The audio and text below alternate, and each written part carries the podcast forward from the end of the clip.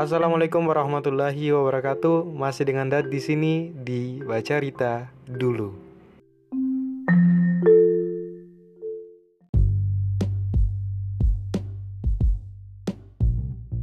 Halo gengs, jadi sesuai judul saya akan review film Kukira Kau Rumah Dikenakan ini kan sudah beberapa minggu penayangan jadi sah-sah saja aman-aman saja untuk direview.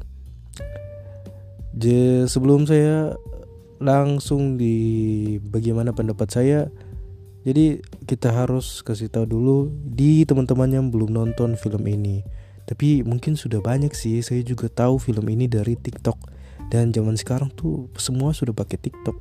Film ini juga viral di TikTok jadi banyak sekali yang tertarik mau nonton itu dari TikTok.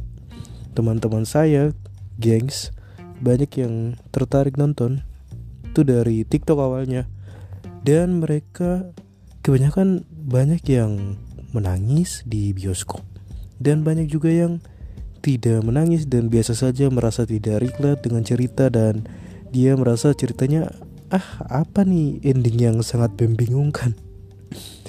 Sebelumnya kita akan bahas dulu film ini. Film ini nih pertama kali rilis di bioskop tuh tanggal 3 Februari. Ini film dari Cinemaku Pictures. Itu debut pertama dari Umay Sahab. Itu dua tokoh utama Prilly Latukonsina dan Georgie Pranata Prilly itu dia perankan Niskala dan juga si Jordi itu Pram. Saya agak spoiler sedikit sedikit sekali itu mereka dipersatukan tuh caranya unik tapi PP EDP dia P eh saya pakai bahasa sini lagi. Tapi bahagia yang mereka rasakan tuh harus kayak terusik begitu. Karena Pram akhirnya tahu kalau Niskala nih spesial. Terus ada beberapa teman-temannya si Niskala minta untuk Pram jauhi Niskala. Jadi kalau dari sisi awam, saya kira nih film Kukira Kau Roma nih persis dengan kisah-kisah romansa antara dua insan begitu. Karena dari judulnya saja saya kira ada begitu, ternyata begitu, tapi di sini ada isu kesehatan mental yang diangkat Ya jadi tentunya penonton juga sudah mengerti itu central point di film ini Karena tapi kayak sangat pas Ini masih menurut penonton ya Tanpa dramatisasi berlebihan Tetapi di apa pusat cerita nih selalu ditampilkan tuh kayak remaja kesepian yang selalu mau apa mendobrak ekspektasi orang-orang terdekatnya. Jadi ada cerita kunci nih dua insan yang ingin aduh saya takut spoiler. Oke lanjut. Tapi di sini acting Prilly Latukonsina nih sangat luar biasa sekali karena porsinya tuh berimbang dan Jangan lupa apresiasi untuk debut pertama dari Umay Syahab.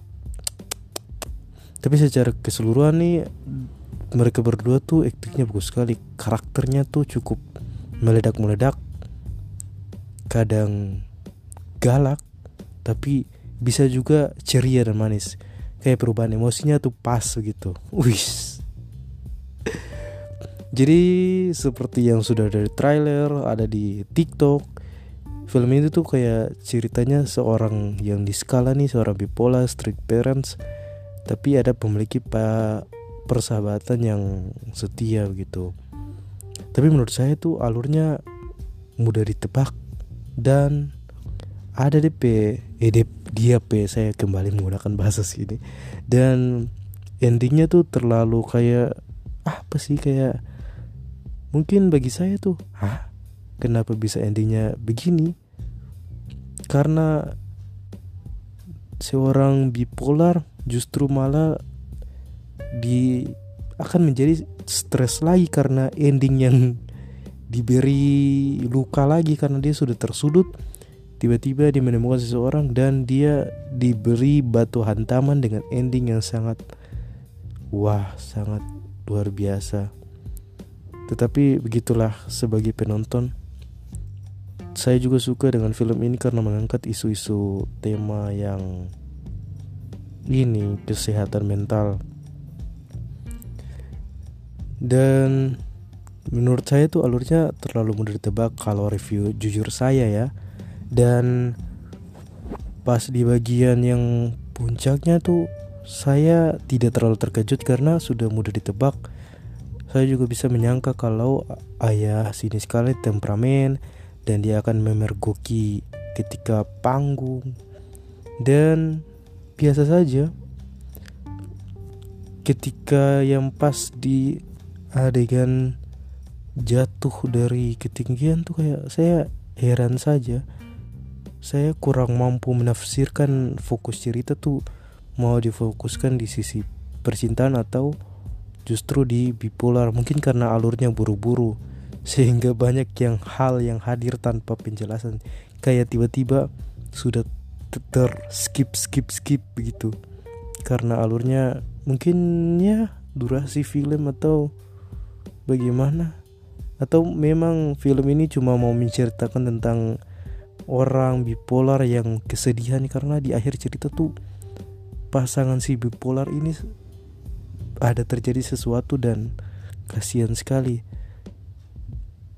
Jadi saya menonton dengan ekspektasi yang sangat tinggi karena karena ini TikTok dan luar biasa juga sih menurut saya.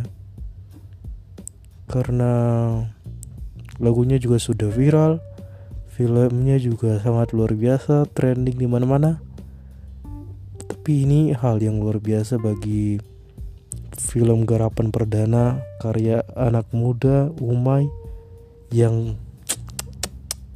membuat satu kali film dengan 2 juta penonton ketika saya rekaman tuh sangat luar biasa sukses trending dan melahirkan ragam reaksi.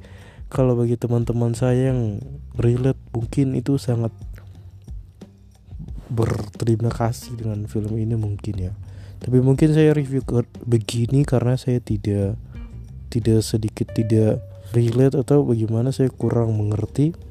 Tetapi inilah review jujur saya karena saya rasa alurnya terlalu cepat begitu tetapi di samping kiri, samping kanan, depan, belakang orang-orang yang nonton semuanya berhasil menangis.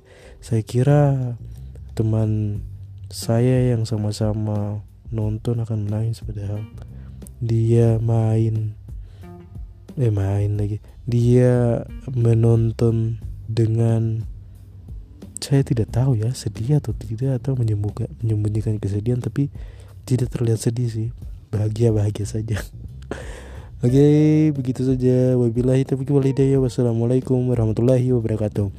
Karena ini pendapat pribadi saya, jangan baper.